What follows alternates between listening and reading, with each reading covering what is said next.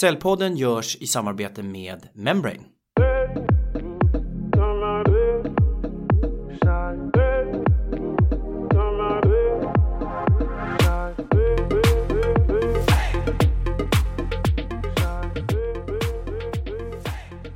Välkommen till Säljpodden, en podd för oss som gör affärer.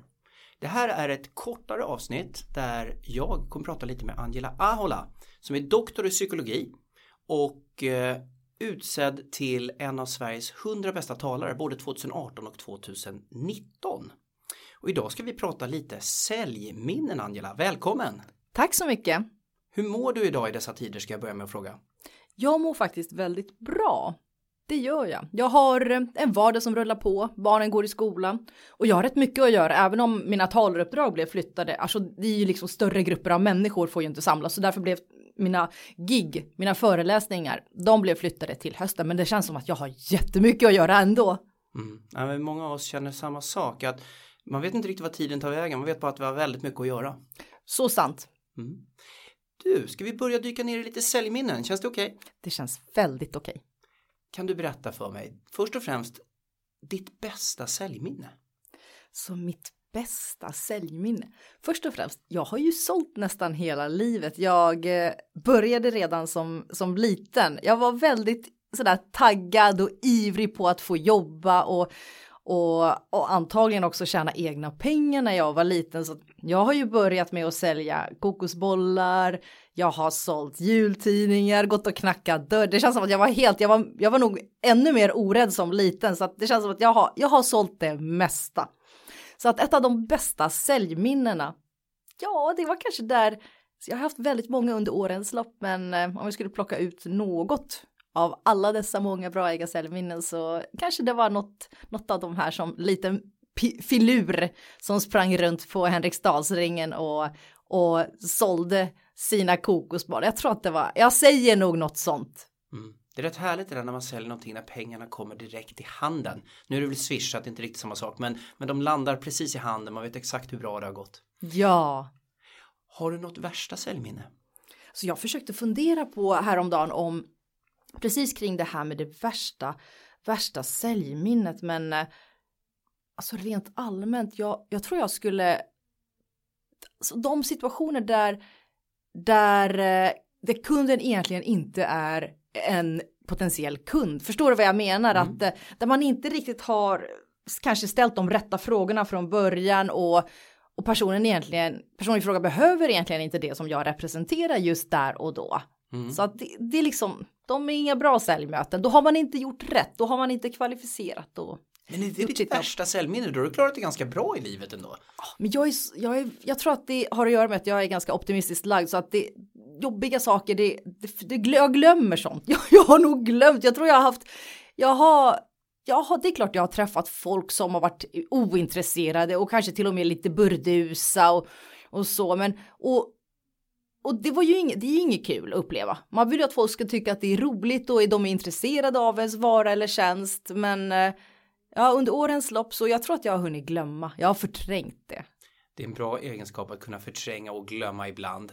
Eh, har du något säljminne där någonting väldigt annorlunda har hänt?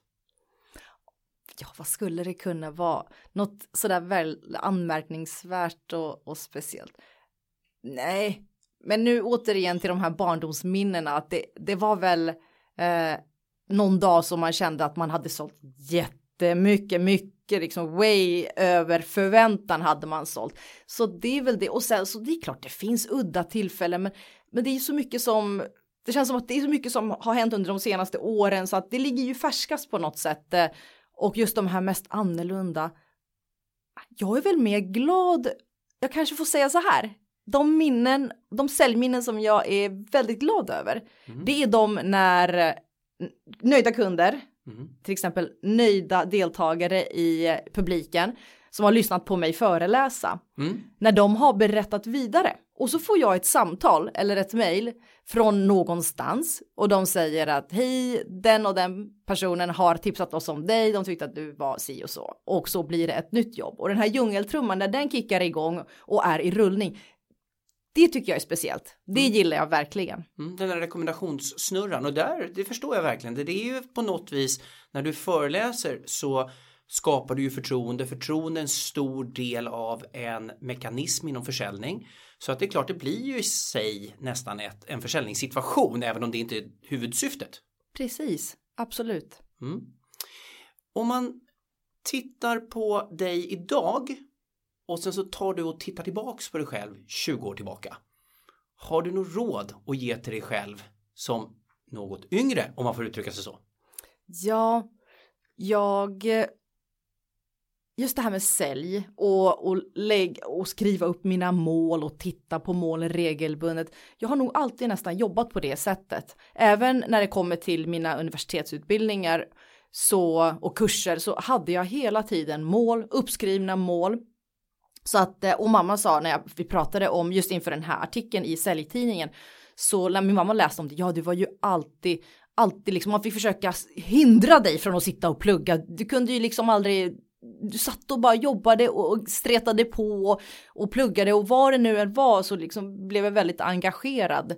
Så att ja, vad ska jag säga? Ja, kanske varva lite mer med roligheter och mm. lägga fokus också på, jag älskar att dansa, mm. jag älskar att spela piano och kanske lite mer tid på avslappning.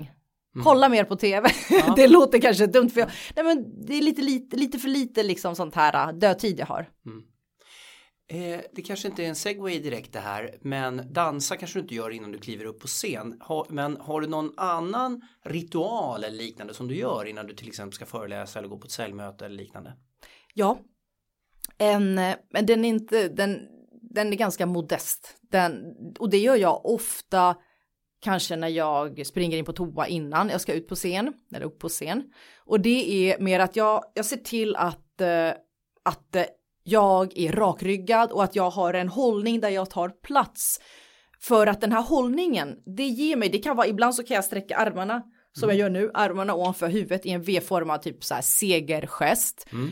För att det ger en kick, det ger en känsla av att eh, jag har självförtroende, jag vet vad jag snackar om. Liksom, kör Angela. Det blir, det blir den effekten för min del lite grann. Mm. Så den är positiv, den är otroligt bra. Den, mm. den rekommenderar jag mm. andra också att prova.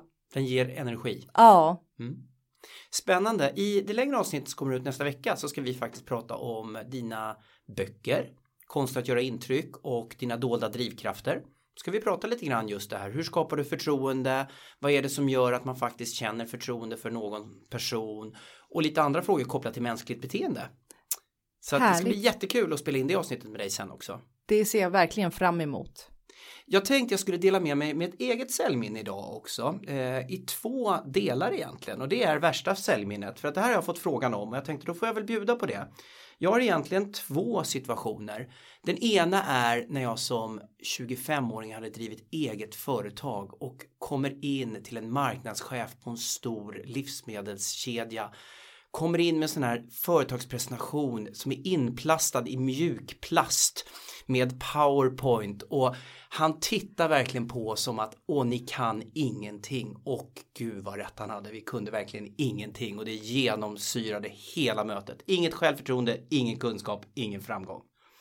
Det andra säljmötet det var annorlunda. Vi fastnade i trafiken. Kommer fram med åtta minuter före mötet skulle ta slut, 8 minuter i 15. Och då säger hon CFON från England, jag måste åka 15.00, ni har 8 minuter på er.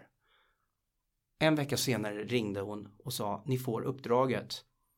Ni såg så genuint eh, skamsna ut eller som ni skämde så otroligt mycket så jag gillade er. Eh, nu måste vi bara kolla om ni kan någonting också så att innan vi skriver på så får ni faktiskt presentera en gång till. Men gör ni bra ifrån er så får ni uppdraget. Så att ibland handlar det inte om kunskap, det kan också handla om karaktär. Gör du fel, be om ursäkt, skäms för fan och då kan du lyckas ändå. Angela, nu ska vi ta en liten break och sen ska vi spela in ett längre avsnitt som lyssnarna får höra till nästa vecka. Underbart, det ska bli väldigt trevligt. Härligt! Ni har lyssnat till Säljpodden, en podd för oss som gör affärer som ges ut i samarbete med Säljarnas Riksförbund. Ha det gott!